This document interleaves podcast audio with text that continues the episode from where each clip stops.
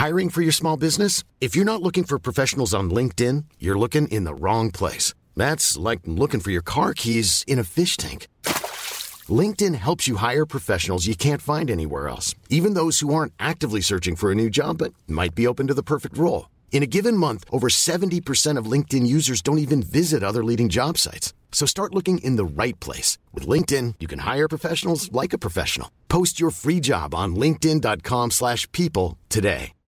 Millions of people have lost weight with personalized plans from Noom. Like Evan, who can't stand salads and still lost 50 pounds. Salads generally for most people are the easy button, right? For me, that wasn't an option. I never really was a salad guy. That's just not who I am. But Noom worked for me. Get your personalized plan today at Noom.com. Real Noom user compensated to provide their story. In four weeks, the typical Noom user can expect to lose one to two pounds per week. Individual results may vary.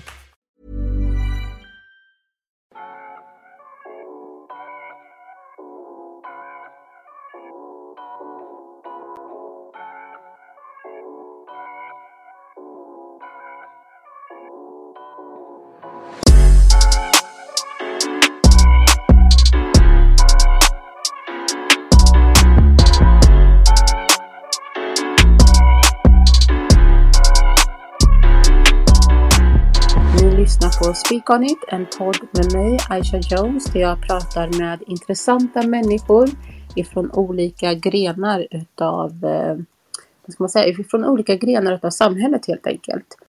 Med det sagt så har vi en utav kanske Sveriges främsta antirasister och röster eh, med oss ikväll. Det är en person som jag fangirlar kring dagligen och ser sjukt mycket upp till. Eh, någon som verkligen har huvudet, huvudet på skaft och förstår siffror. Varmt, varmt, varmt välkommen till kvällens gäst Tobias Hubinett. Ja, tack så mycket och tack för den snälla eh, introduktionen. Den är så sanningsenlig. Det är verkligen, alltså ja, när jag hintade om att du skulle vara med på, eller i podden, så gick ju min DM eh, varm. Och eh, det har kommit så otroligt många frågor till dig, så jag hoppas att vi hinner med dem sen. Mm. Ja, Så, men så. visst, vi försöker. Ja, men jag tänkte Tobias. Eh, jag känner ju bara till alltså så här, forskar-Tobias.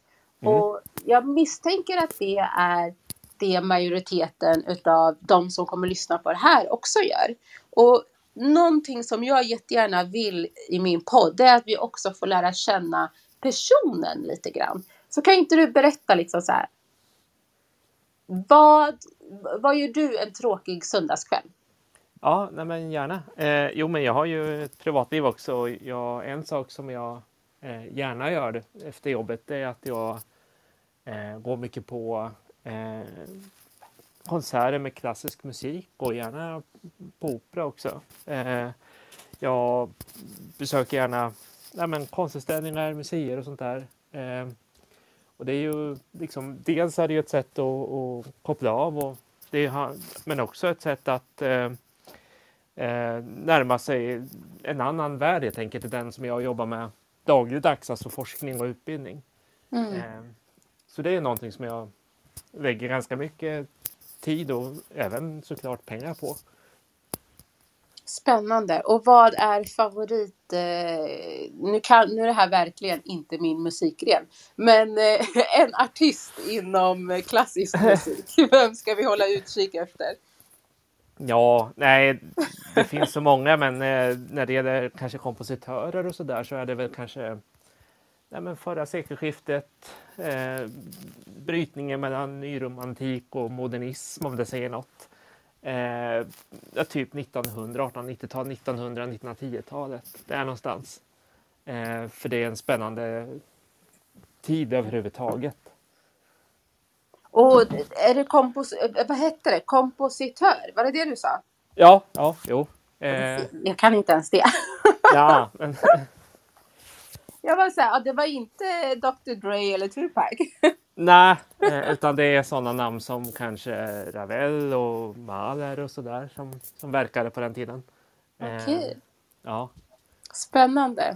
Och vad, eh, vad är din favoriträtt? Eh, ja, jag har nog ingen, men jag, jag äter det mesta faktiskt. Även om, ja, mest vegetariskt. Eh, Okej. Så där har jag ingen speciell smak sådär. Okej. Favoritserie på Netflix just nu? Ja, just nu har jag nog inte sett något på länge, men i övrigt så ja, men det är också ett sätt att liksom komma bort ifrån jobbet och då kanske det är mera, de mera historiska dramaserierna. De kan ju vara från olika delar av världen. Då. Det kan vara brittiska men också kanske koreanska eller eh, sådär. Spännande. Jag gillar faktiskt också lite mer så historiska saker. Ah, okej. Eh, därför får jag aldrig välja film eller serie här hemma. Men eh, ja, det gillar jag faktiskt. Historia och eh, vad ska man säga? Historiska skildringar utav personer. Som Ah, så. ah, Det ja. tycker jag är spännande. Ja, men då har vi något gemensamt där. Då. Ja. Och så gillar jag ju klassisk musik, men jag kan inte så mycket om det. Nej, men det kan man ju tycka om ändå. Det är, man måste inte vara eh, någon kalenderbitare liksom, utan det är ju för alla. Mm. Men jag tänker, det har kommit in otroligt många frågor och en fråga som, eh, som faktiskt har kommit in är också lite grann det som vi ska prata om eh, idag. Eh, och den frågan handlar ju lite mer om liksom, hur var det för dig när du växte upp och att vara eh, lite utanför eller hur man Mm. Liksom, ja. Hur var det? Tror du att det, att liksom din barndom har lett till den du är? Eller hur skulle du se på den saken? Jo, men så är det. Och alltså det, då måste jag dra, om, om det finns tid till det här då, den, i alla fall den korta Det versionen. finns och det tid. Att, ja, ja, men jag är ju född i Sydkorea och adopterades till Sverige i början på 70-talet. Eh, och då var jag bara ja, 7-8 månader gammal. Eh, och några år senare fick jag också en syster från Sydkorea, adopterad. Eh, och vi växte upp i en liten stad som heter Motala. Det är en liten industristad kan man säga. Östergötland. Eh, och eh, det här är då i ett Sverige som var eh, väldigt homogent jämfört med idag. Och när jag säger homogent så menar jag eh, rasligt homogent. För det fanns ju invandrare från Finland och från ja, olika europeiska länder. Det jag syftar på är ju konkret då, ehm, att det var väldigt få personer i Motala på 70-talet och även på 80-talet och en bit in på 90-talet också kanske som, som ehm, eh, är det jag kallar icke-vita eller rasifierade. Eh, och de som fanns på den tiden det var ju i ganska hög grad just andra adopterade och några enstaka till. Så det var ju på det sättet en väldigt eh, isolerad uppväxt kan man säga. Eh, och jag fick väl också min beskärda del av liksom att folk, eller folk, vita barn helt enkelt, svensk, vita svenska barn, eh, retade mig ibland och sådär. Men jag var nog inte sådär liksom extremt utsatt, men naturligtvis så hände det. Eh, och det satte väl spår och det bör ju ha varit sådana spår som gjorde att jag sen senare då engagerade mig mot rasism och ja, nazism och så vidare. Och sen hamnade det jag hamnade idag då. Eh, sen är det jättesvårt att säga exakt alltså logiken bakom det. Det, det är ingen röd tråd där, så, men, men eh, eh, det måste ju ha präglat naturligtvis. Eh, det tror jag. Den som ställer frågan undrar också liksom eh, i, för väldigt, väldigt länge, eller i alla fall så som eh, det ser ut för oss, eh, liksom, ja, den yngre generationen eller vad man ska säga, så känns det också som att du har varit ganska ensam i de här frågorna. Eh, och och liksom debatterat och, och upplyst och så. Hur har det varit att som adopterad också Ja. vara ensam att behöva ta de här uh, fighterna? Ja. ja, men så är det väl. Och, och jag var ju dels tidig med att just ta upp den här frågan som handlar om, alltså konkret då, det jag talar om när jag använder rasbegreppet, alltså utseendeaspekten av, alltså det faktum att en del inte kan passera som vita kort och gott. Och att det är någonting som betyder något för de personerna, inklusive mig själv. Eh, så det var jag väldigt tidig med. Och Sen var jag också tidig med att ta upp kritik som rör adoption. Och i båda de fallen då, för det är väl de två spåren där jag liksom var före andra, skulle jag säga, eh, så var det ju under de första åren, det var väldigt ensamt och eh, tyvärr var det också så att ganska många som ja, också kallades antirasister eh, var ju inte för det här utan de var ju snarare eh, kritiska till att jag tog upp de här sakerna. Eh, och det gällde både frågan om det här med ras och rasism då, och frågan om, om adoption. Eh, så det var ju en ganska jobbig tid på det här sättet att, att, att, att stå ensam där. Eh, och nu talar vi om 90-talet och 00-talet och det är länge sedan nu. Eh, så det är en helt annan tid idag naturligtvis med, med många fler som är engagerade i de här frågorna. Mm. Och jag som, eh, som eh, till synes engagerar mig väldigt sent då, om man tänker att jag börjar ju inte engagera mig förrän kanske tidigt 2000-tal när jag är tonåring. Uh, hur ser du som är en utav de vars ord jag och många som mig ekar idag. Hur ser du på skillnaden som vi för en kamp och liksom någon slags eh, förändringsarbete på de grundstenar som du och andra har lagt? Om du ja. ser någon skillnad? Jo, men det gör jag och det är, jag är jätteglad över att eh, få uppleva det här nu, att så många fler delar åsikter och perspektiv och använder sig av samma typ av begrepp och termer och sådär. Mm. Ehm, de är liksom med på noterna om man säger. Ehm, mm. På ett helt annat sätt än tidigare. Ehm, och den där förändringen den ägde rum på 2010-talet skulle jag säga. Det var någon, någon gång där i mitten på, på 2010-talet. Så det är inte så jättelänge sedan som det verkligen smällde till. Och det var nog en fråga om någon slags sådär Ja men det var tillräckligt många i Sverige helt enkelt som eh, icke-vita svenskar helt enkelt som, som hade uppnått en viss ålder och som behärskade svenska språket, som hade växt upp här. De kanske var födda utomlands men de hade i stort sett växt upp här ändå, eh, mm. mestadels. Eh, som helt enkelt eh, eh började lägga sig i samtalet på ett, på ett helt nytt sätt. Mm. Eh, och sen så bara liksom rullade det på. Och samma sak gäller frågan om adoption. Då. Eh, att det var ungefär samtidigt som, som det verkligen började lossna. Idag, 2022 då, eller början av 2022, det, jag ska inte säga att det, det, här är mainstream, för det är fel att säga, men, mm. men det är mm. helt klart så att eh, en, en, många, särskilt unga personer då, i, i, i, din och andras ålder, som kanske är här och lyssnar nu, eh, eh, för er är ju det här inte några konstigheter alls. Eh, mm. Utan det här är liksom det språk och det, det, det sätt att tänka och det sätt att agera på som, som helt enkelt är fullt logiskt. Mm.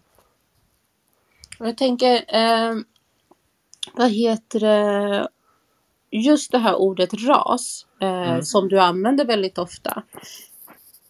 Det håller på, om det inte till och med har redan försvunnit eh, från svenskan. Ja, eh, det stämmer. Det, det, är ju ett ord som är väldigt tabubelagt fortfarande. Eh, och som eh, faktiskt riksdagen röstade bort för, ja det mm. var 20 år sedan. Mm. Det är väldigt laddat det här ordet då för de allra flesta svensktalande. Mm. Eh, så, och där är det fortfarande så skulle jag säga bland antirasister och även bland forskare som är, kallar sig antirasister att, att det är väldigt känsligt att använda det här, det här mm. ordet då som Alltså man är bekant med engelskan exempelvis. Det är ju inget konstigt alls att prata om ras. Mm. Eh, Varför är vi i Sverige så himla butthurt då? Ja, nej men min liksom teori, då, hypotes. Och jag kommer faktiskt med en bok om det lite senare i år. Som ah. just handlar om varför Sverige och svenskarna verkligen ja, i stort sett hatar ordet ras. För det har liksom blivit så just i Sverige och inte i andra länder på samma Precis. extrema sätt. Ja. Och då, då menar jag, det, det jag liksom kommer att hävda i den boken då, som kommer kanske ut i augusti i år, mm. är helt enkelt att det, som, det, det finns liksom, vare sig det är medvetet eller omedvetet så är det så att det som spökar är helt enkelt att under stora delar av 1900-talet fram till kanske 60-talet så var Sverige eh, en spetsnation när det gäller att forska om ras, att mm. tänka i ras och så vidare. Och det som, där, där skon verkligen klämmer, liksom, där det verkligen gör ont. Mm. Eh, och jag vet inte om det går att tala om det ett dåligt samvete utan det är någonting annat tror jag. Någon slags mm. skam på något sätt. Eh, men också någon slags märklig liksom, undertryckt stolthet. Det är just det faktum att svenskarna un under stora delar av 1900-talet betraktades som vitare än alla andra på jorden. Alltså vitast av alla så att säga. Mm. Eh, och den idén var något som svenskarna själva eh, omhuldade och liksom, eh, ja, i stort sett frossade i. Eh, men sen när allting vänder på 60-talet och 70-talet och antirasismen då liksom tar över, då, då, då, ja, då måste den här liksom, ja, det här frossandet i att hålla på och prata om sig själv som vitast och vackrast och bäst på jorden. Det måste ta vägen någonstans och det, det tror jag, alltså det omvandlas till någon konstig skam som gör att ordet ras då får en sån otroligt stark laddning i svenska språket som det inte har i andra språk. Mm. Så jag tror det där liksom det, det är själva orsaken till att det har blivit så här konstigt i Sverige med just det ordet. Och då tänker jag så här, o- om jag ska lajva vithet en stund eh, och, och försöka tänka som jag tror en vit människa hade, hade tänkt. Ja. Finns det inget annat ord man kan använda då? Ja, men det är ju bra att du, du, säger det, för att det är precis så många säger till mig och även vita forskare som är antirasister. Eh, ja, de säger just det att men försök att hitta ett annat ord Tobias, säger de, för att det här ordet det gör så ont. Det är så otäckt det här ordet. Eh, det är så onödigt att använda det och dessutom så är det avskaffat då som sagt. Eh, och då kommer de kanske själva med förslag som, kan vi inte prata om utseende? Men utseende är så mycket bredare. Det kan ju vara liksom Ja. utseende kan vara man och kvinna, ålder, om man Mm. anses vara alltså se bra ut eller inte och så vidare. Det är så ja. Det går ju verkligen inte in på, på botten Nej. utav Nej. vad ja, problemet är. Nej. Nej, och andra har då, eh, alltså det konstiga, bland alla konstiga förslag så har jag liksom stött på någon som har sagt att ja, men gå tillbaka till Linné då, för han använde ett annat uttryck än ras faktiskt ibland i sina skrifter. Han pratar om utseendevarieteter, varietet, men det låter ju som, alltså då, då, är vi, då pratar vi om djur och växter i stort sett. Eh, För Och mig då- låter det som, och nu kanske Ja. jag tänker helt galet, men för mig låter det som någon slags variant utav funktionsvarianter. Ja, nästan. Jo, det är en bra liknelse faktiskt, eller en parallell. Eh, och framförallt så blir det ju så att om vi slutar att prata om ras, som vi då har gjort i Sverige, då kan vi inte heller prata med människor som talar andra språk än svenska så att säga. Då blir det ju väldigt konstigt när vi, alltså inom forskarvärlden, jag och andra springer ju alltid på liksom forskare som kanske talar engelska eller spanska eller franska och så vidare. Eh, och eh, de använder ju ordet ras på, si, på sina språk såklart då, men eh, de använder ändå det ordet ja, hela tiden när de liksom ska beskriva de här sakerna som jag också vill beskriva och försöka förstå i Sverige. Eh, och det som händer när svenska forskare stöter på de här, ja, låt säga amerikanska forskarna som pratar om ras eller brittiska forskarna som använder ordet ras, det är att de blir stumma, de blir helt tysta eh, och tycker att det är obehagligt och sen kommer man liksom ingenstans. Ehm, så, så det går liksom inte att hitta ett ersättningsord bara som för, nå- liksom för de svensktalande som bara de ska använda sig av. Det är ju ingen som kommer att förstå det ändå ute i världen. Ja, det är just det där ordet ras eh, gillar jag faktiskt hur du väldigt liksom oursäktande, om det är ett ord, unapologetic, hur du använder Ja. det ofta och liksom nästan liksom så här upproriskt vägrar, vägrar tillåta att det ska avskaffas. Um, för att det blir väldigt, alltså diskussionen går inte att föras om man inte får använda det begreppet. Så att det är, Mm. Ja, men det var en bra beskrivning. Eh, det är ungefär så Um, ja, um, förhåller mig till ordet. Det är jättebra som du beskrev det. mm. Och hur, om man, om man då så här, ras och rasism. Ehm, en annan fråga som kom in är, vilket är en superbra fråga, eh, i vilken ände börjar man montera ner institu- institutionaliserad rasism eh, så som i Sverige? Ja, eh, och då brukar jag alltid säga eh, i den änden som vi började när vi började prata om sexism. Det vill Ja. säga könsförtryck, det vill säga mäns överordning över kvinnor så att säga i samhället i stort.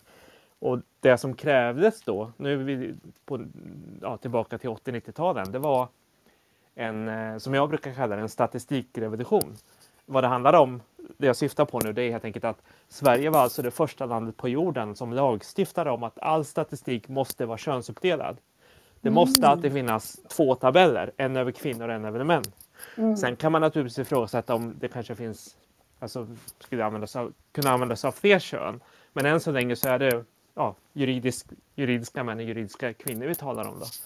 Eh, och, och när det här väl skedde, det här är i början på 90-talet, då, det, var ju, det var ju verkligen då som, som kvinnorörelsen på den tiden eh, radikaliserades och då menar jag i positiv bemärkelse. Eh, För det var först då som vi, eh, vare sig vi var män eller kvinnor, på, och nu, nu är vi återigen tillbaka då på, på början av 90-talet, fick siffror på hur, eh, ja, hur det såg ut helt enkelt i, inom samhällets alla sfärer och branscher. Eh, och det är det här som jag tror krävs när det gäller ras och när det gäller strukturell rasism och strukturell diskriminering. Eh, för just nu så famlar vi i blindo vi saknar de siffrorna. Vi, vi kan ana oss till att det antagligen är ganska så förskräckligt, att det är ganska extrema siffror vi talar om. Ehm, men än så länge så, så, ehm, så har vi det inte svart på vitt så som vi hade och har fortfarande ju med män och kvinnor. Mm. Jag tänker det du går in på nu, eh, i mina lekmansöron så låter ju det som, eh, och nu försvann ordet från hjärnan bara för det. Eh, data, hjälp mig. Ja, ja. jämlikhetsdata. Jämlikhetsdata, precis. Eh, och det är ju också väldigt eh, husch-husch i Sverige. Det får man inte ens nämna i något rum och liksom, ja. Ja, men det stämmer. Det är, det är ju det jag syftar på. Att, eh, eh, eh, ja, I brist på, på andra termer så är det jämlikhetsdata som, som liksom är, skulle jag säga, den, den, den term som funkar bäst i sammanhanget. Och det handlar ju helt enkelt om att på en, en större nivå då mäta ojämlikhet utifrån exempelvis ras eller religion eh, eller andra typer av eh, identitetskategorier som människor identifierar sig själva med och som inte finns i folkbokföringsregistret. För det, vi, det vi har i folkbokföringsregistret det är ju män och kvinnor. Det är liksom, vi har två kön som sagt. Och juridiska män och juridiska kvinnor. Vi har ålder och då är det biologisk ålder vi har. För, för det för det är ju registrerat när vi är födda och så vidare. Och det gör att vi har jättebra koll i Sverige på ojämlikheter som beror på ålder och på, på kön. Sen går det också att utläsa klass i, i det register som vi har då. Eh, för man kan mäta utbildningsnivå och inkomstnivå. Så det är vi också väldigt duktiga på. Men, men när det gäller andra typer av diskrimineringsgrunder eller ojämlikheter eh, så har vi inte några siffror alls egentligen. Eh, och det är där jämlikhetsdata kommer in. Mm.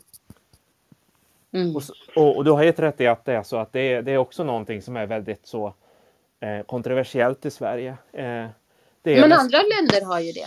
Ja, precis. Nästan hela världen hade på med det här, inklusive våra grannländer på olika nivåer. Eh, så det anses då helt enkelt kort och gott väldigt känsligt i Sverige att få en enkät i handen som är helt anonym och där det kanske finns då, förutom kön och ålder, för det är vanligt, det är alltså det vi är vana vid i Sverige, att svara på i enkäter och sådär. Det är ingen som bryr sig det. Eh, Men om man då skulle lägga till exempelvis hur vi identifierar oss utifrån, utifrån religion eller sexuell läggning och så vidare. Eh, det är liksom det. Alltså det, det är så.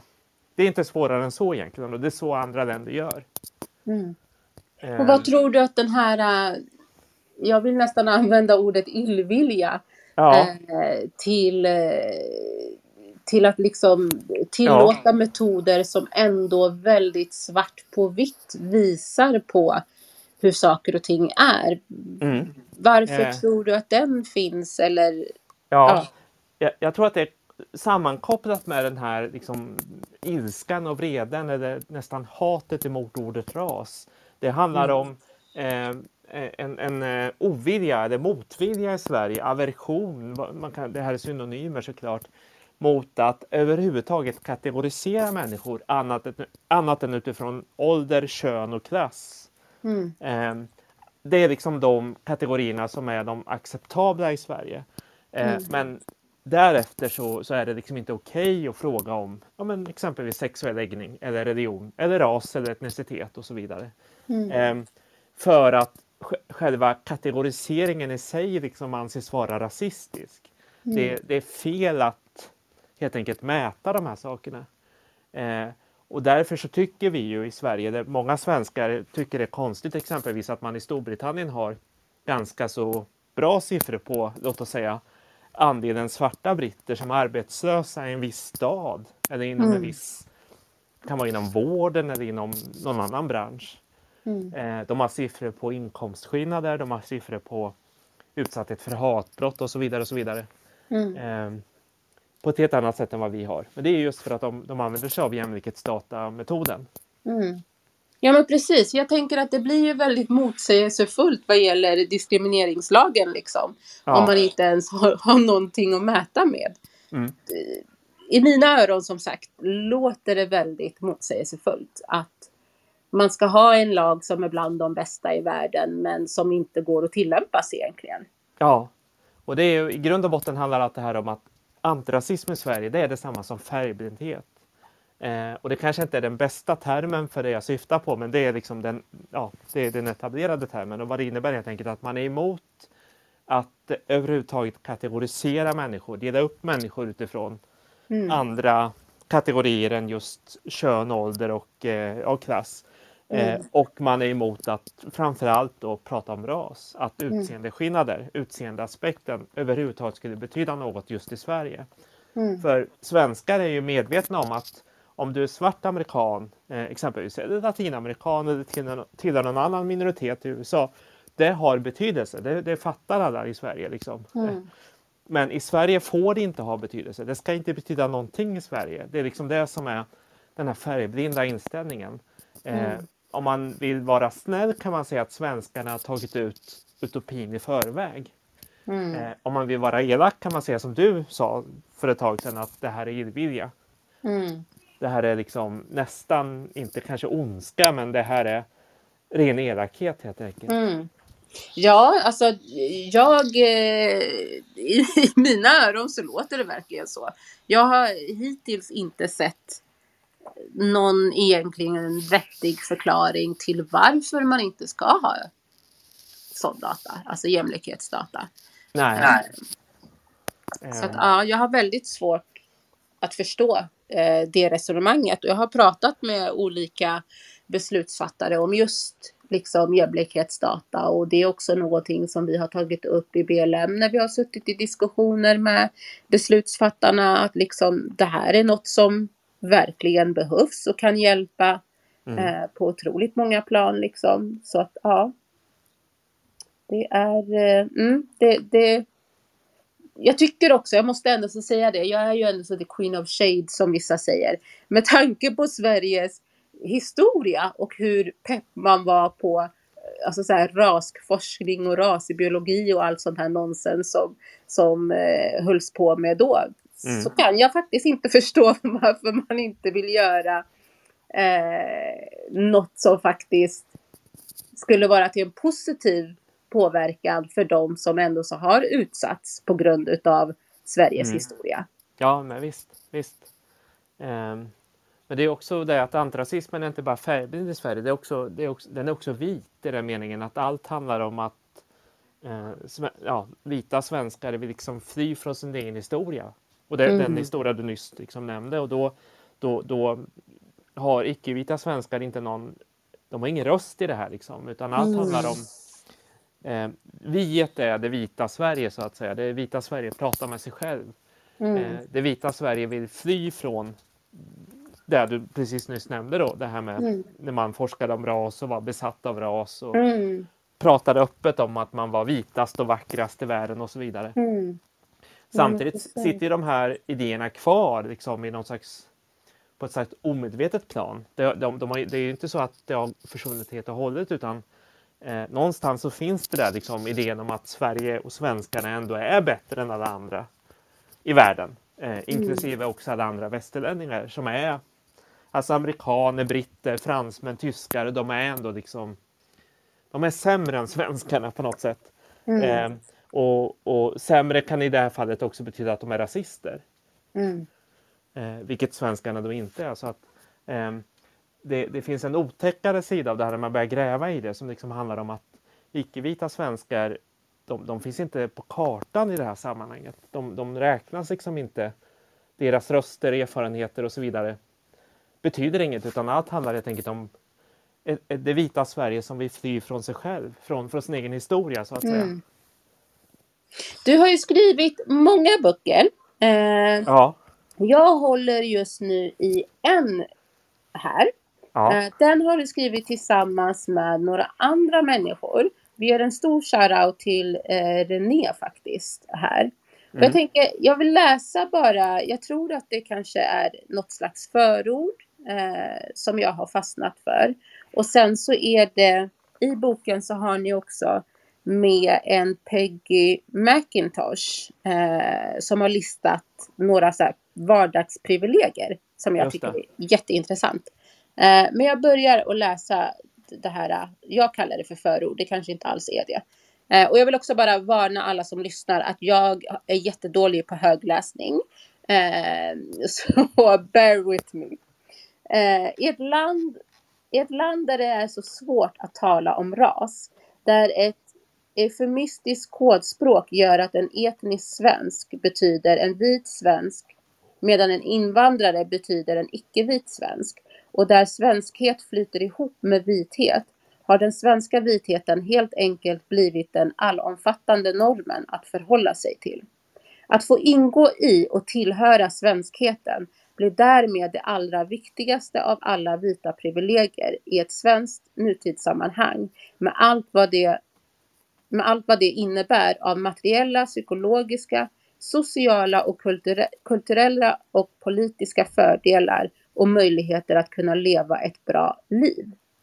Jag vet inte om ni som lyssnar förstod djupet utav eh, det som jag just läste upp. Så jag tänker kan inte du bara bryta ner det mm. magiska och så kraftfulla eh, i det stycket? Alltså jag tycker bara den är bara så wow. Ja, ja men vad kul att du tycker det. Eh, jo, det här är ju en bok som kom ut för, ja, nu är det, ja, det är nästan tio år sedan. Jag tror det är tio år sedan nu faktiskt. Ja, och eh, den är lika bra idag måste jag bara säga till alla som lyssnar. Så spring och köp den om ni inte redan har gjort det. Ja, Eh, tack och, och, och, den gavs ut på Mångkulturellt centrum där jag jobbade på den tiden i anslutning till en utställning som handlar om ras och vithet och svenskhet.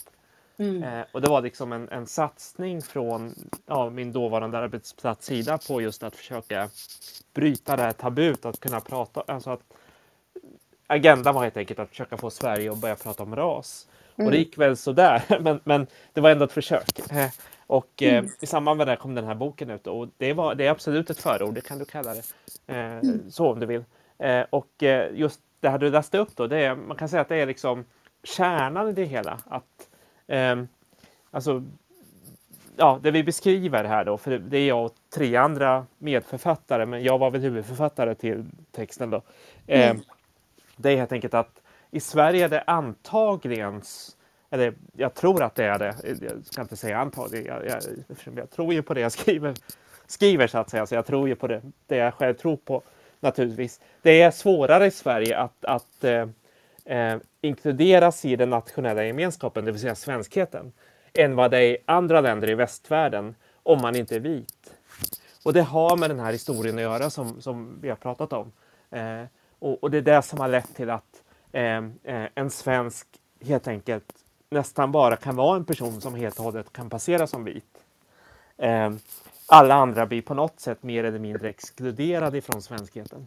Eh, mm. Och, och eh, detta med att få vara en del av svenskheten, det är inte bara liksom eh, något som, som, alltså det är inte bara på någon slags psykologisk nivå, utan det är också på en alltså, synnerligen konkret ekonomisk, materialistisk nivå. Liksom det, det handlar om hela livet. Det handlar om att få mm. vara en del av samhället i stort, att, att räknas som en, en fullvärdig medborgare helt och fullt.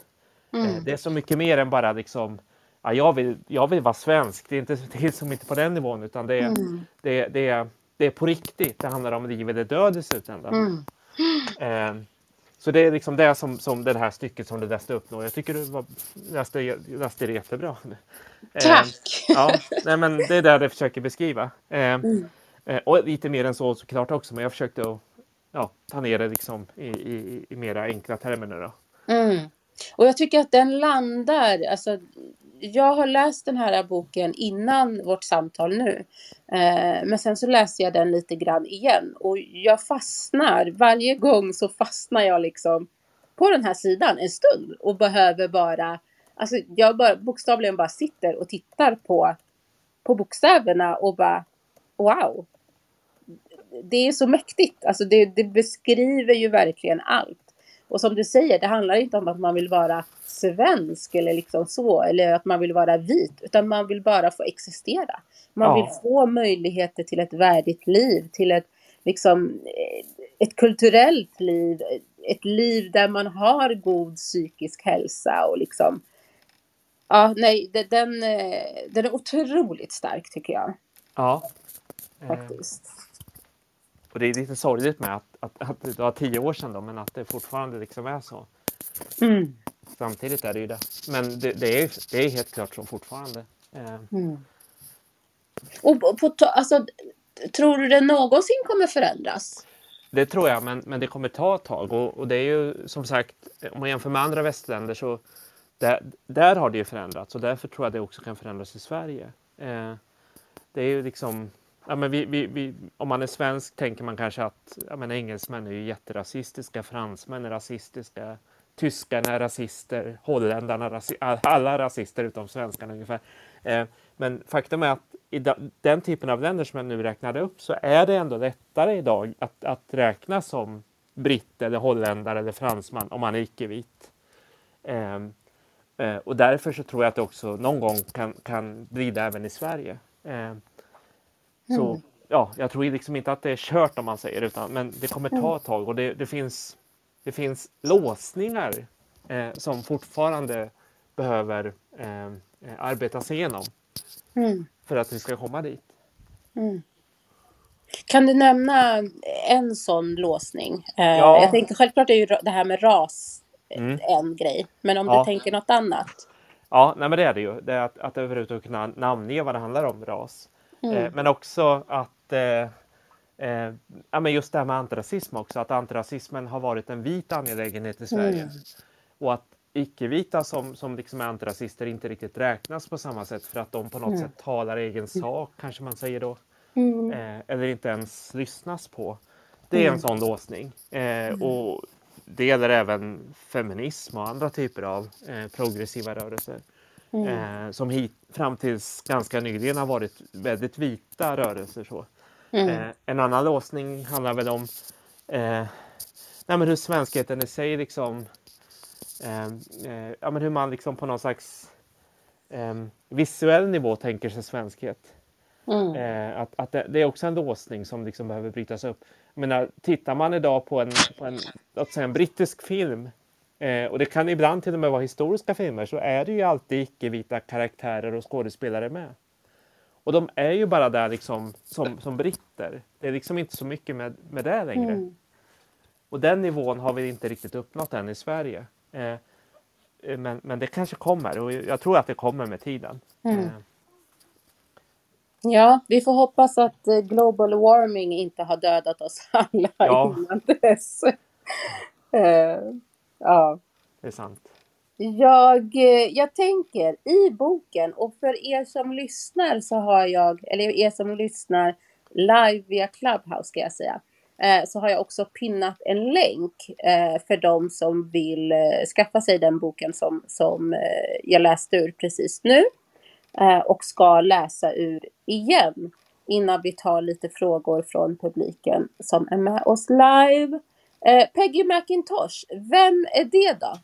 Ja, eh, hon eh, eh det är en amerika vit amerikansk kvinna som, som eh, var väldigt viktig när vithetsforskningen slog igenom. Eh, mm. Eller formerades helt enkelt. Det var alltså under vithetsforskningens barndom och det här är slutet på 80-talet, början på 90-talet när ett antal vita amerikanska, även brittiska forskare och även en del var också aktivister eh, börjar och liksom vända blicken mot sig själva eh, och säga ungefär så här. Det här är förenklat, men i stort sett så här att fram tills nu så har vi liksom vi har solidariserat oss med icke-vita, med svarta amerikaner exempelvis. Vi har forskat på dem och så vidare, men vi kommer ingenstans så länge vi inte tittar på oss själva.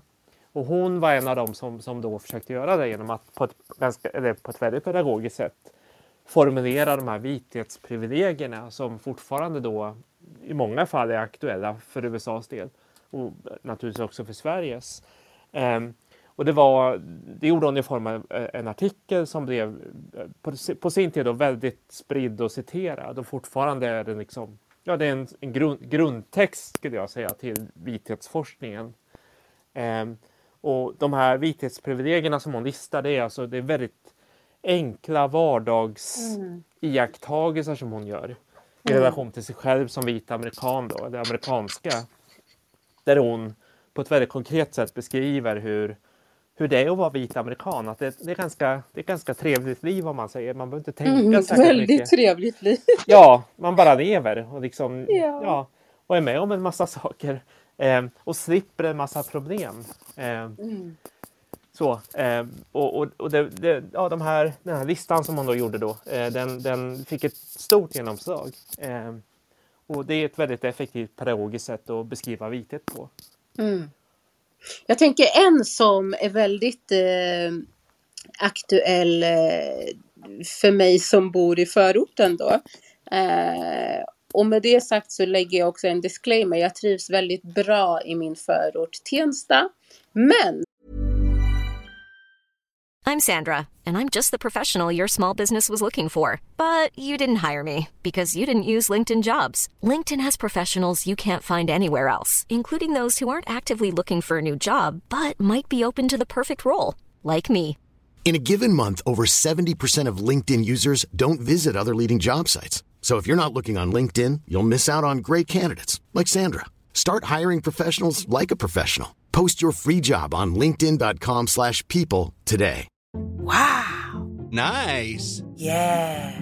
What you're hearing are the sounds of people everywhere putting on Bombas socks, underwear, and t-shirts made from absurdly soft materials that feel like plush clouds. Yeah, that plush. And the best part, for every item you purchase, Bombas donates another to someone facing homelessness. Bombas. Big comfort for everyone. Go to bombas.com slash ACAST and use code ACAST for 20% off your first purchase. That's bombas.com slash ACAST. Code ACAST. Many of us have those stubborn pounds that seem impossible to lose, no matter how good we eat or how hard we work out. My solution is PlushCare. PlushCare is a leading telehealth provider with doctors who are there for you day and night to partner with you in your weight loss journey. They can prescribe FDA-approved weight loss medications like Wagovi and Zepbound for those who qualify. Plus, they accept most insurance plans. To get started, visit plushcare.com slash weight loss. That's plushcare.com slash weight loss. Hey, it's Ryan Reynolds, and I'm here with Keith, co-star of my upcoming film, If, only in theaters May 17th. Do you want to tell people the big news? All right, I'll do it. Sign up now and you'll get unlimited for $15 a month in six months of Paramount Plus Essential Plan on us. Mintmobile.com slash switch. Upfront payment of $45 equivalent to $15 per month. Unlimited over 40 gigabytes per month. Face lower speeds. Videos at 480p. Active Mint customers by 531.24 get six months of Paramount Plus Essential Plan. Auto renews after six months. Offer ends May 31st, 2024. Separate Paramount Plus registration required. Terms and conditions apply if rated PG. Och hon har ju då som punkt nummer tre eh, om jag skulle behöva flytta så kan jag vara ganska så säker på att kunna hyra eller köpa en bostad som jag har råd med i ett område som jag vill bo i. Och eh, den, den, var bara väldigt så här, hmm. Jag satt och funderade liksom så här på hur mitt liv ser ut som svart kvinna från förorten. Och nej, det spelar nog inte så stor roll om jag skulle ha råd och så vidare. Det skulle inte vara så jätteenkelt mm. att göra det. Eh, och även om jag lyckades köpa en bostad någonstans, eh, låt oss säga quote on quote fina områden som, eh, ja, jag vet inte vad, vad som har värderats i det, men då skulle ju inte jag vara välkommen där. Mm. Så det, det, det, är många olika nivåer utav det också. Ja. Uh, jo, det handlar inte bara konkret om pengar. Eh, Mm. Utan det, det är så mycket mer än så. Eh, absolut.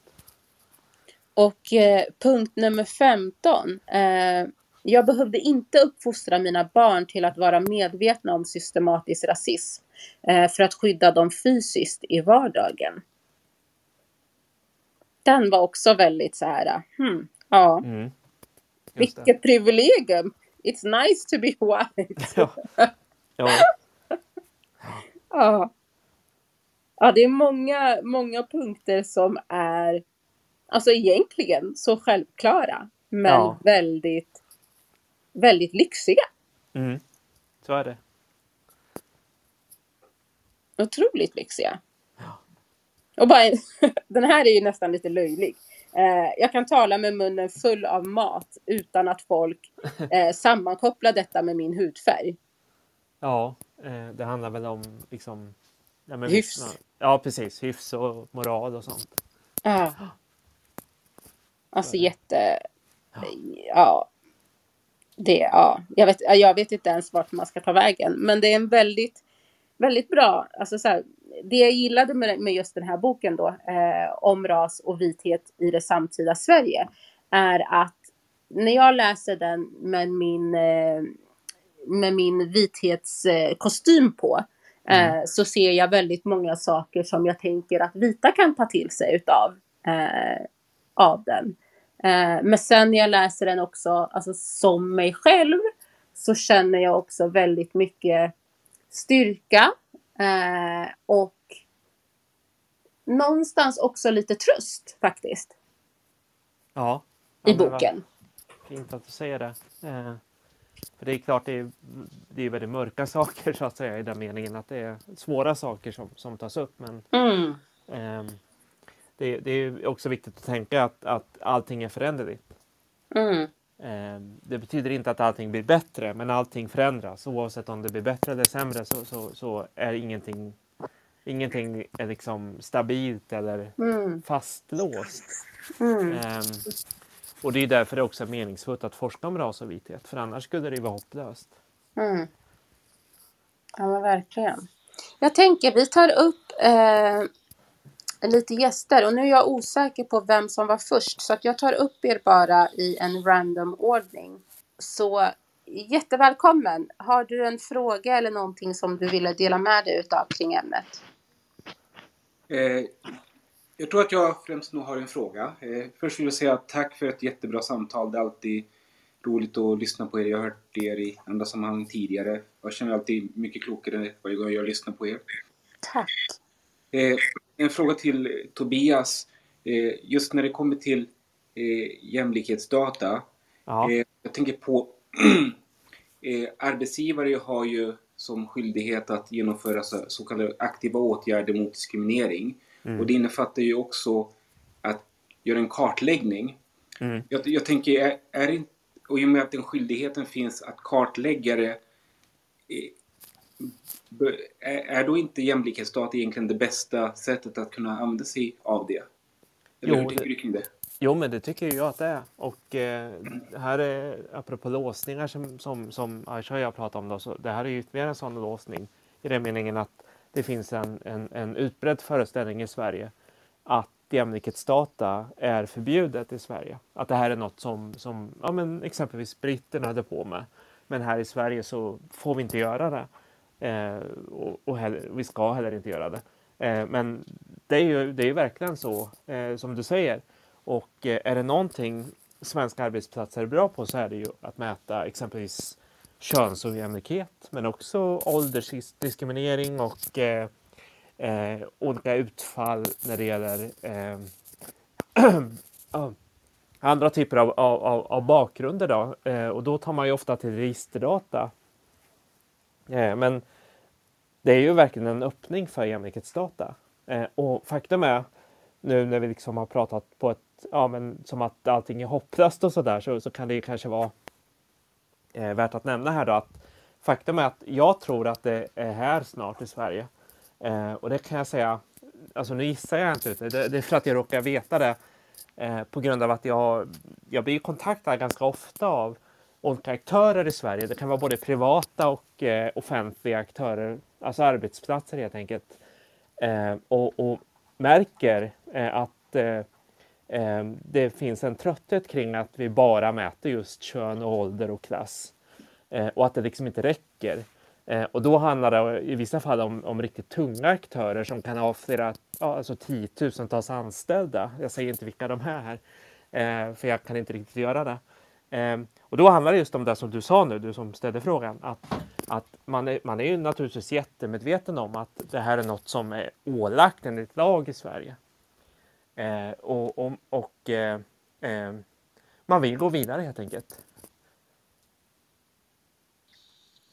Tack för svaret. Mm. Mm. Tackar. Då kör vi nästa person. Uh, jag bjuder in er några stycken i taget och så kör vi helt enkelt den som kommer upp först som får ta ordet.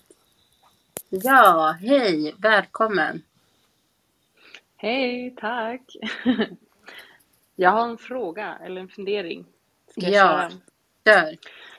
Ja, det är möjligt att ni har gjort det här jättetydligt redan. Eh, men jag har lite vidare frågor om, om rasbegreppet.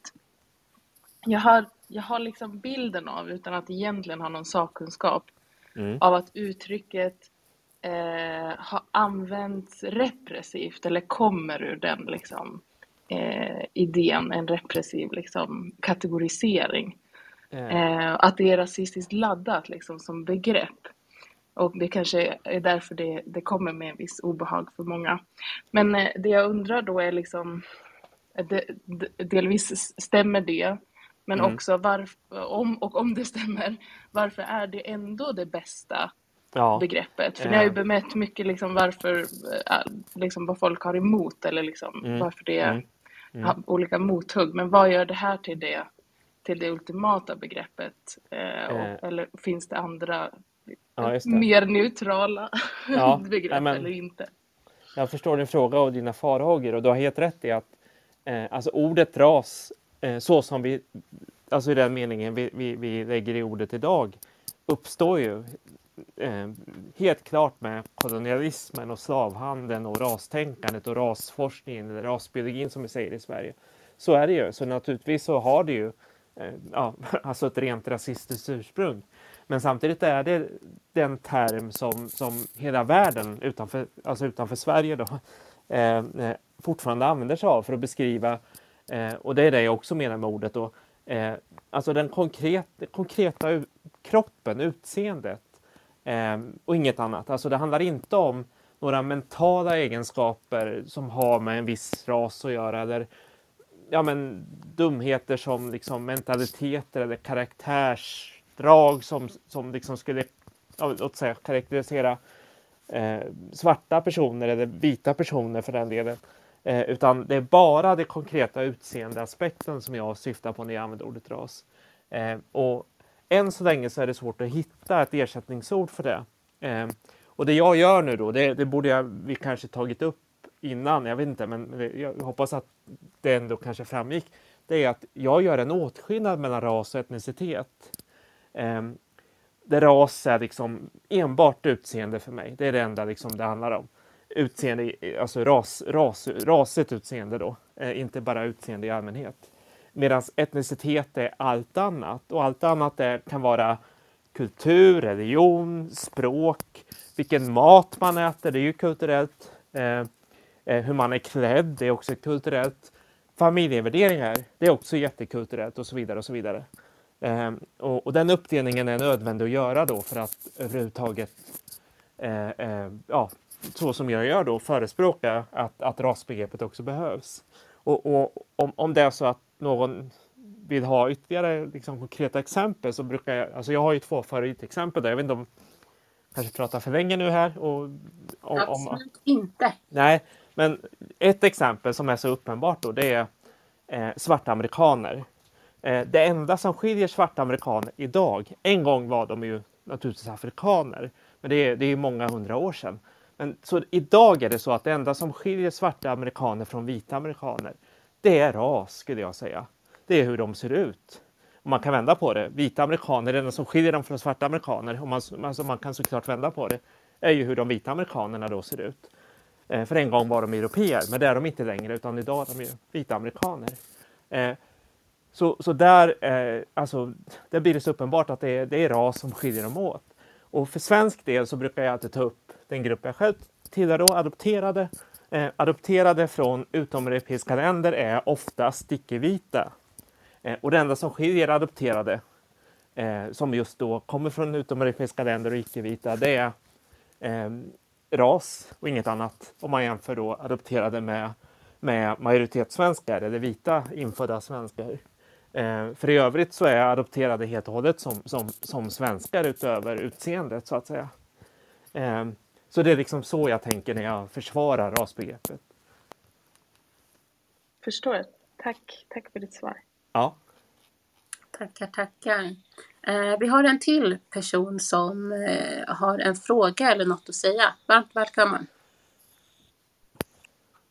Eh, hejsan! Eh, jag vill tacka jättemycket för ditt för ett fina samtal. Jätteintressant att höra. Jag skulle vilja, jag tänkte tillbaka lite på det som ni... Jag känner mig lite pessim, jag känner mig verkligen pessimistisk liksom inför... Det är inte så mycket en fråga som mer liksom... Jag ser liksom, om jag tittar på mig själv och liksom eh, vad jag upplevt som icke-vit svart person Eh, vit mamma, svart pappa, men uppväxt med vit mamma. Liksom jag har inte haft min pappa i min, i min eh, närhet så att säga. Just den här, eh, vad ska man säga, jag känner mig väldigt pessimism på ett sätt inför framtiden. Det här med hur ska vi hur ska vi liksom kunna nå våra mål? Det är liksom, man tittar tillbaka, som ni pratade tidigare om det här med liksom hur vitheten vitheten har så svårt att liksom... På ett sätt, de säger att de är färgblinda men på ett annat sätt så är de ju inte det. Men liksom, hur ska man komma fram och liksom, om man tittar tillbaka på historien som det här med slavhandeln och så. Alltså vitheten har ju så, i Sverige har ju så svårt att erkänna det här så det, liksom, det känns som att... Är ni kvar? Mm. Vi är kvar. Ja, förlåt, det var min telefon som la av, eller min, min, äh, min äh, telefon som äh, stängde av bilden. Nej men just det här, um, det känns så hopplöst att det här med, till och med det här med slavhandel, att man inte ens vill erkänna det. Det känns som att, kommer jag finna, uppleva liksom ett ett, liksom, ett, ett rasligt jämställt Sverige innan jag dör. Jag känner ju inte det. Liksom. Jag, jag tror ju att det här kommer pågå ganska länge, tyvärr. Mm. Eh, vad säger experten? Jag ja. själv är ju på samma, samma ja. tes som du tyvärr. Eh, jag, är inte, jag är inte positiv. Ja, jag vet inte. Nej. Vad säger du Tobias? Nej, men det är ju liksom det, det, du syftar på nu Jeffrey, det är ju alltså den, den konkreta verkligheten som, som liksom handlar om eh, att få ett bra liv eller inte helt enkelt. Om, om, om pengar, om arbete, om utbildning, om, om hälsa eller vad det nu kan vara. Om, om lycka i slutändan. Att, att få ett lyckligt liv i Sverige. Eh, och, och, där är det ju som du säger, och det, där är jag på din sida då, tyvärr, att, att det mycket just nu pekar på otroligt eh, eh, växande, snabbt växande klyftor mellan konkret, som jag brukar säga, då, vita och icke-vita svenskar.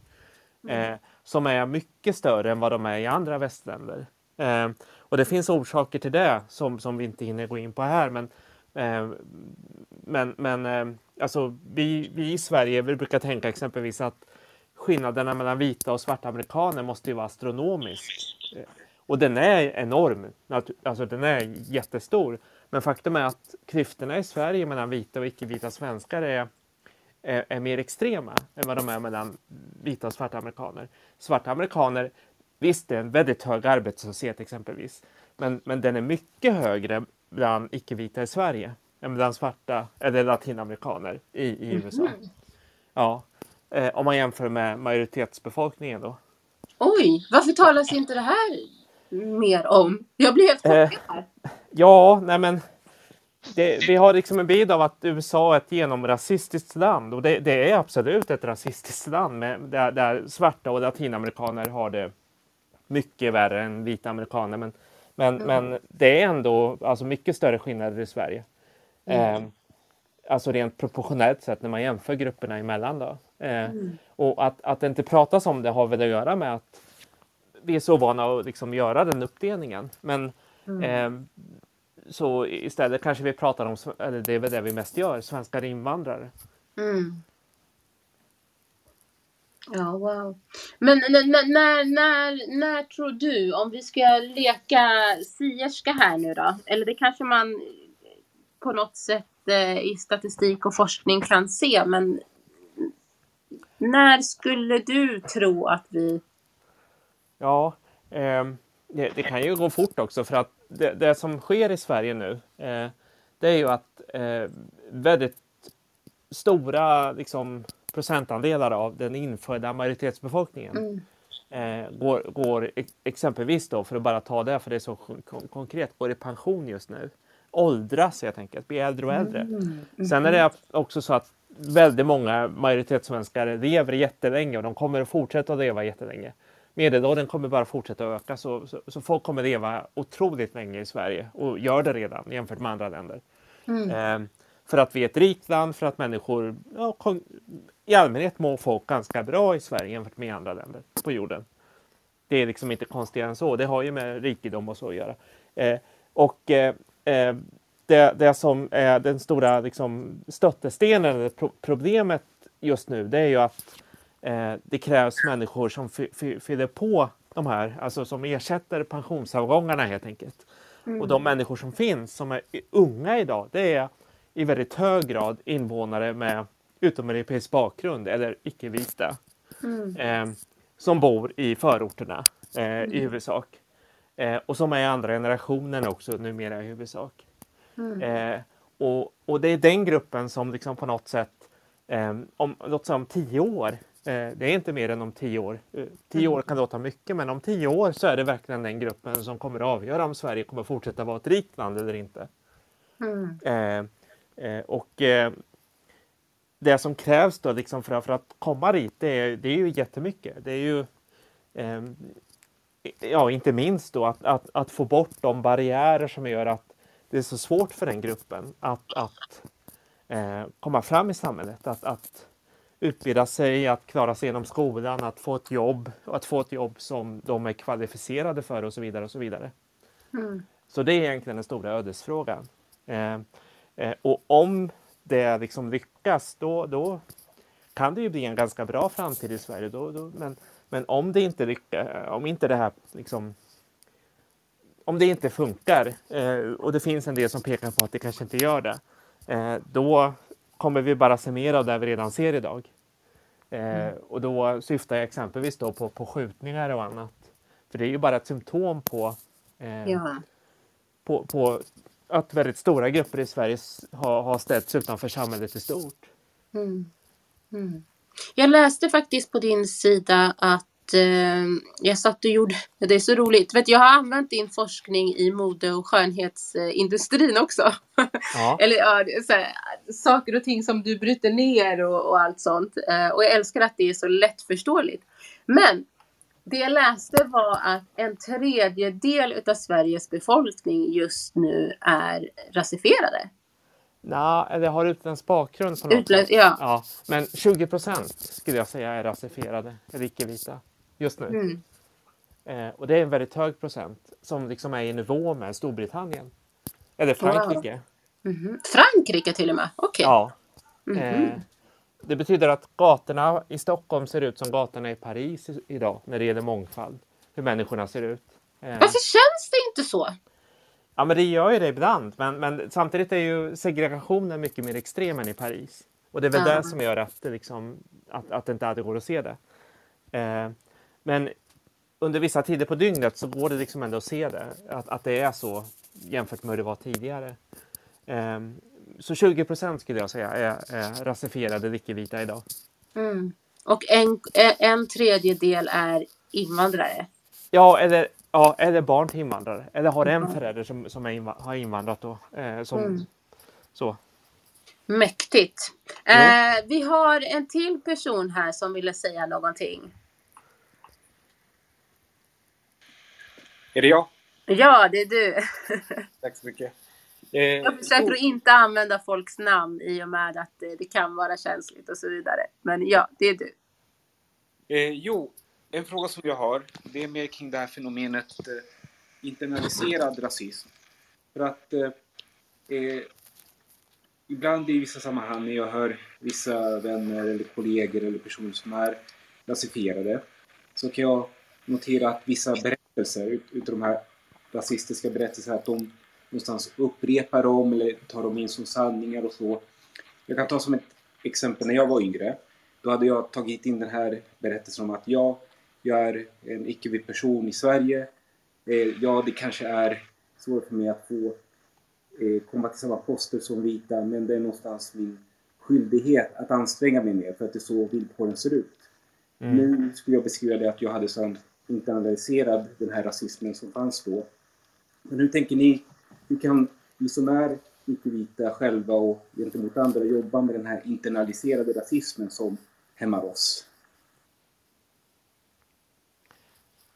Ja, det, det finns ju liksom olika strategier och, och, och eh, förhålla sig till det du nu nämnde då, och exemplifierade med. Men, men jag tror inte alltid det behöver liksom handla om internaliserad rasism utan ja, alltså, visst, det gör säkert det i många fall, men, men det kan också handla om eh, personer, alltså icke-vita svenskar, rasifierade personer som, som helt enkelt har förstått spelreglerna.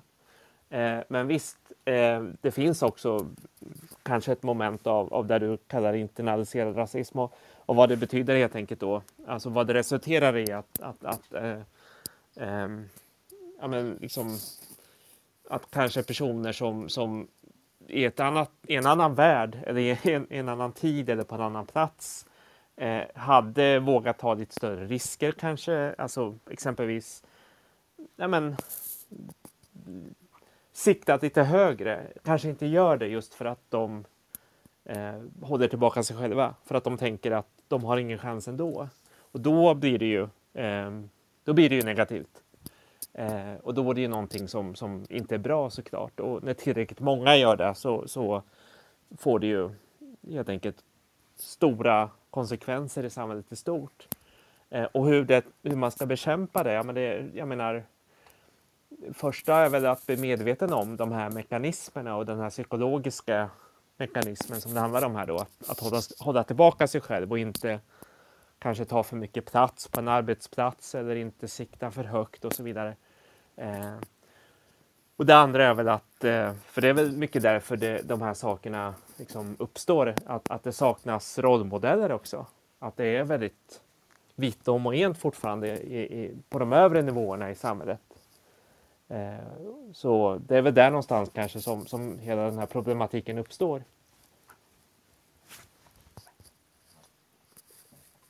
Var du nöjd med svaret? Eh, Ja, jag var nöjd med svaret. Ja, då har vi lite frågor som har kommit eh, i DM och så också.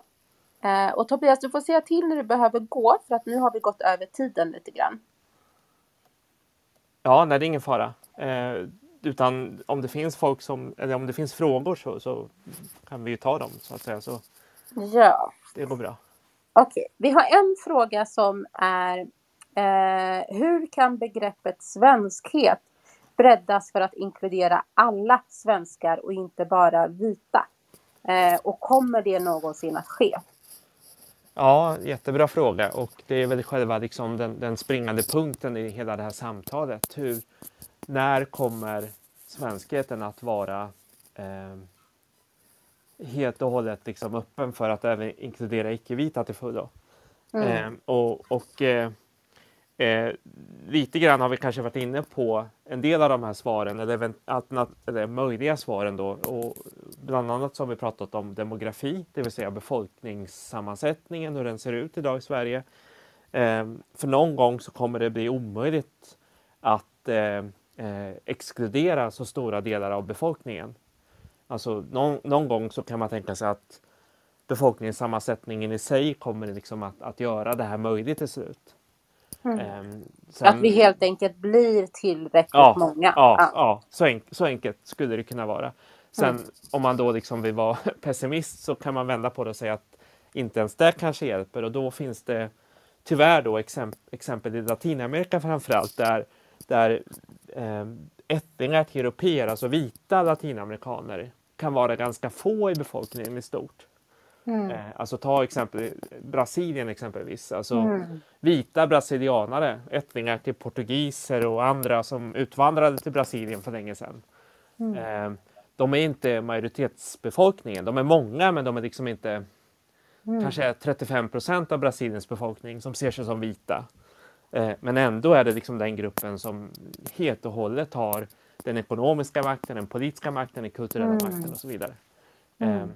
Mm. Eh, och- Är det likadant i Dominikanska? Ja, det, ja, det, det finns en, en del. Ja, jag är dålig på just dominikanska, men, men det finns ju ett antal sådana exempel i just Latinamerika där Mm. den vita befolkningen kanske bara består av 20-30 procent av alla invånare. Precis. Men ändå så, så lyckas den, den alltså minoriteten monopolisera i stort sett allt som är värt att på något sätt ha makt över. Mm. Eh, och det skulle kunna bli så i Sverige. Eh, men, men samtidigt så finns det ju liksom andra mekanismer i det svenska samhället som man kan hoppas då eh, motverkar att det kan bli så. Men det är, Mm. det är för mig är det mardrömmen kan man säga. Mm. Mardrömmen för mig är inte USA utan det är Latinamerika Mm. på det här sättet.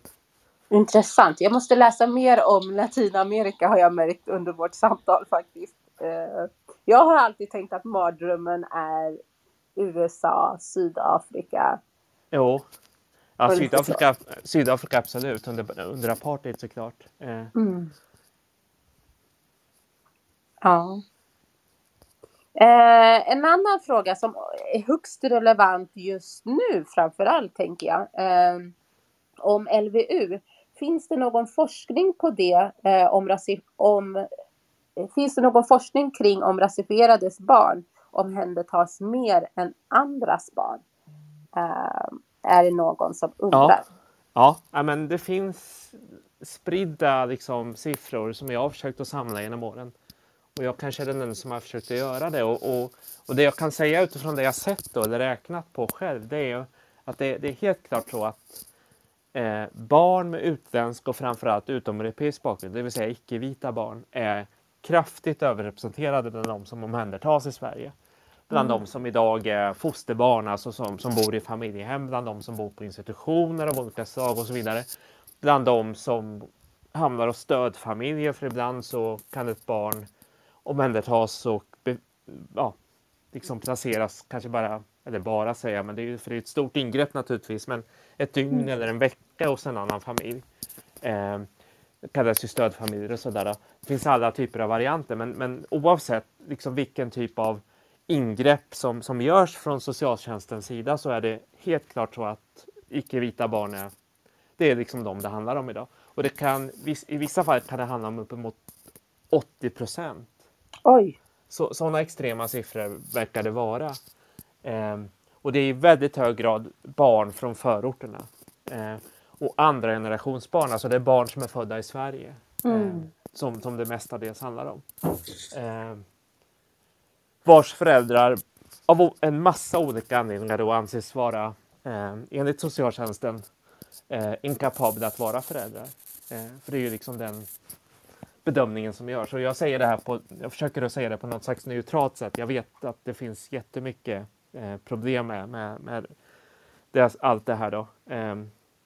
Och eh, att eh, ja, det, liksom, det går att vända och vrida på det hur mycket som helst. Det har egentligen ingen betydelse för att eh, ilskan och eh, vreden emot att majoritetssamhället omhändertar en massa barn ifrån förorterna, den, den har ju funnits där i många år. Så att, att det dyker upp nu, eh, det är ju inget konstigt att det gör det. Mm. Ja, alltså jag är chockad över 80 procent.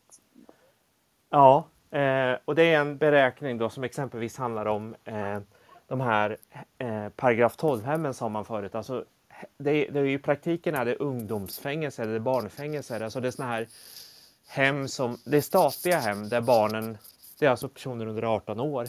Tonåringar är det i praktiken då. Det är ibland till och med yngre än så. Eh, helt enkelt är inlåsta för att de är inte straffmyndiga. Mm. Ja, det är helt galet. Eh, jag, jag, jag känner att vi behöver ha ett helt samtal om bara det. De här 80 procenten och paragraf 12 hem, hette det så? Ja, ungdomshem säger man idag. Eller SIS-hem. Det är myndigheten heter Ja. SIS-hem. Okej, Ja, ja, det ja. känner jag till. Ja. Ja. Ja, det är helt galet. Eh, det har också kommit i DM en massa rop, och, eller hejarop och eh, applåder över eh, att jag lyckades få dig som gäst här. Och det är väldigt många som vill skicka massa kärlek. Eh, bland annat faktiskt Rashid, ska vi se vad han hade att säga. För mig att han bara ville säga att du är en G. Ja, vad Eh. roligt. Tack. Ja men precis, ingen fråga, men hälsa han att han är en G. Ja. Säger Rashid. Sen har vi en som är en kampsportsnörd. Eh, och undrar om du har spelat kampsport tidigare. Ja, faktum är att när jag gick på mellanstadiet och, och, och lite högstadiet också då, så, så hade jag på med karate i Linköping Mm. som är en grannstad till Motala i stort sett. Mm. Eh, ja, eh, men det var bara då. Eh, annars hade jag på med andra typer av idrotter som ja, men, typiska sådär för svenska pojkar, typ fotboll och sånt. Mm, ja men precis. Eh, orientering också.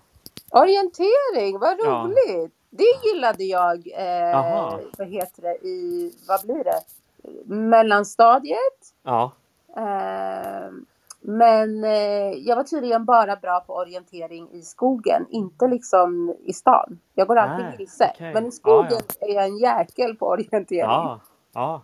Ja men visst, det är ju det är väldigt svenskt orientering liksom. Ja, det är ju det. Ja. Jag får skylla på min eh, svenska vita familj. Ja. ja.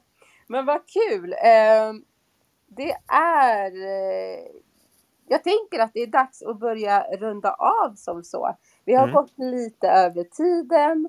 Men det betyder ju bara att samtalet har varit så intressant och många, många frågor har kommit upp. Eh, och det finns ännu mer frågor, men vi måste ju begränsa oss någon gång. Mm.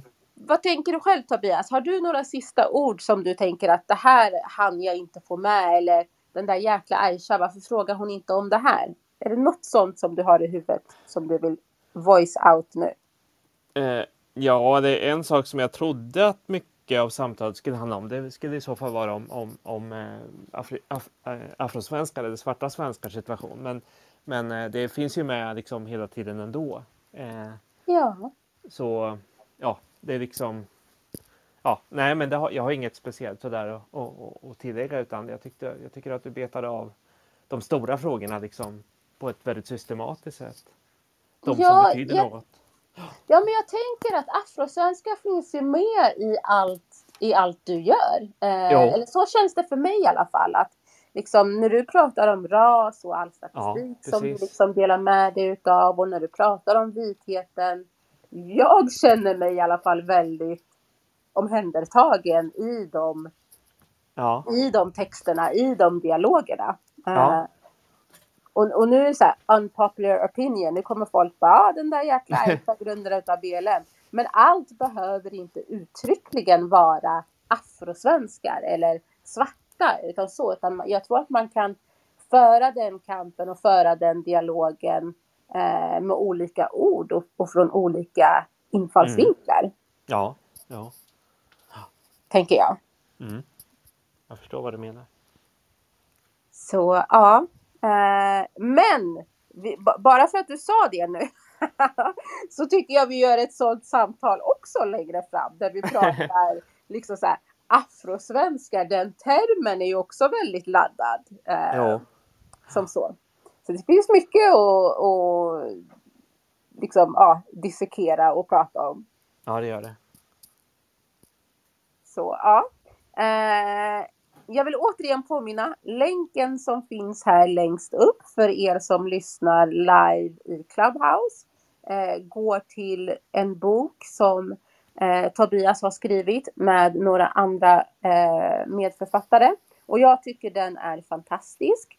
Eh, jag tycker verkligen att ni ska klicka hem den om ni inte redan har den. Och ni som har den tycker jag verkligen bara så här, läs förordet igen och låt det bara sjunka in för att den är så super, super mäktig. Eh, och sen titta gärna på, eh, på de här eh, privilegierna, eh, privilegierpunkterna, eller vad man ska kalla det för. Det var också väldigt, väldigt påtagligt tycker jag. Eh, så lite tips för er lyssnare. Ni som lyssnar via Spotify och allt annat kan ju höra av er ifall ni vill ha en länk eh, till, till boken. Eh, Tobias, vart hittar man dig då? Om man vill följa och liksom fortsätta ja. inspireras. Ja, nej, men kanske mest Facebook eh, i så fall. Eh, för där finns det utrymme för lite längre texter. Så. Eh, och så har jag en blogg också. Eh, som ja, Wordpress-blogg liksom med mitt namn. Det är jätteenkelt att hitta. Mm. Fantastiskt. Och tack så jättemycket för att du var med mig ikväll. Det var ett jättebra samtal tycker jag själv, men jag är ju partisk. så eh, ni får eh, återkomma, eller vad säger man? Ni får höra av er med ris och ros kring, eh, kring det här samtalet och alla andra samtal också. Eh, och jag vill bara ge en mad shout-out till eh, två utav mina bästa personer, Sellam och Deka, som just nu sitter och lyssnar. Jättemycket kärlek och kraft och styrka till er och även till er alla andra som lyssnar och till alla er som har varit med och ställt frågor och delat tankar och reflektioner. Tusen tack! Det är på grund av er och för er som jag har valt att göra den här podden via Clubhouse. Just för att vi ska kunna diskutera och dela liksom tankar, känslor, alltihopa eh, tillsammans när saker och ting händer. Jag hatar poddar där man inte kan liksom ja, när man lyssnar på en podd och så har, kommer det upp en fråga eller liksom någonting och så kan man inte ställa den.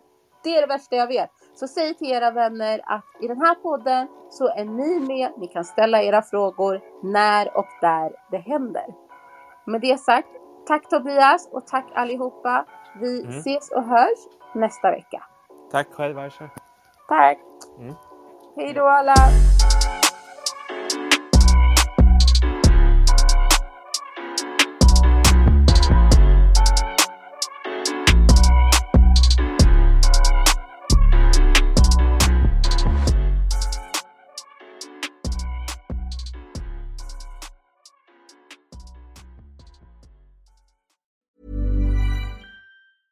Hi, I'm Daniel, founder of Pretty Litter. Did you know cats tend to hide symptoms of sickness and pain? I learned this the hard way after losing my cat, Gingy. So I created Pretty Litter, a health monitoring litter that helps detect early signs of illness by changing colors, saving you money and potentially your cat's life. Pretty Litter is veterinarian developed, and it's the easiest way to keep tabs on your fur baby's health right at home. Go to prettylitter.com and use code ACAST for 20% off your first order and a free cat toy. Terms and conditions apply. See site for details. Hey, it's Paige DeSorbo from Giggly Squad. High quality fashion without the price tag? Say hello to Quince. I'm snagging high end essentials like cozy cashmere sweaters, sleek leather jackets, fine jewelry, and so much more. With Quince being 50 to 80% less than similar brands and they partner with factories that prioritize safe ethical and responsible manufacturing i love that luxury quality within reach. Go to quince.com slash style to get free shipping and 365 day returns on your next order. quince.com slash style. Planning for your next trip?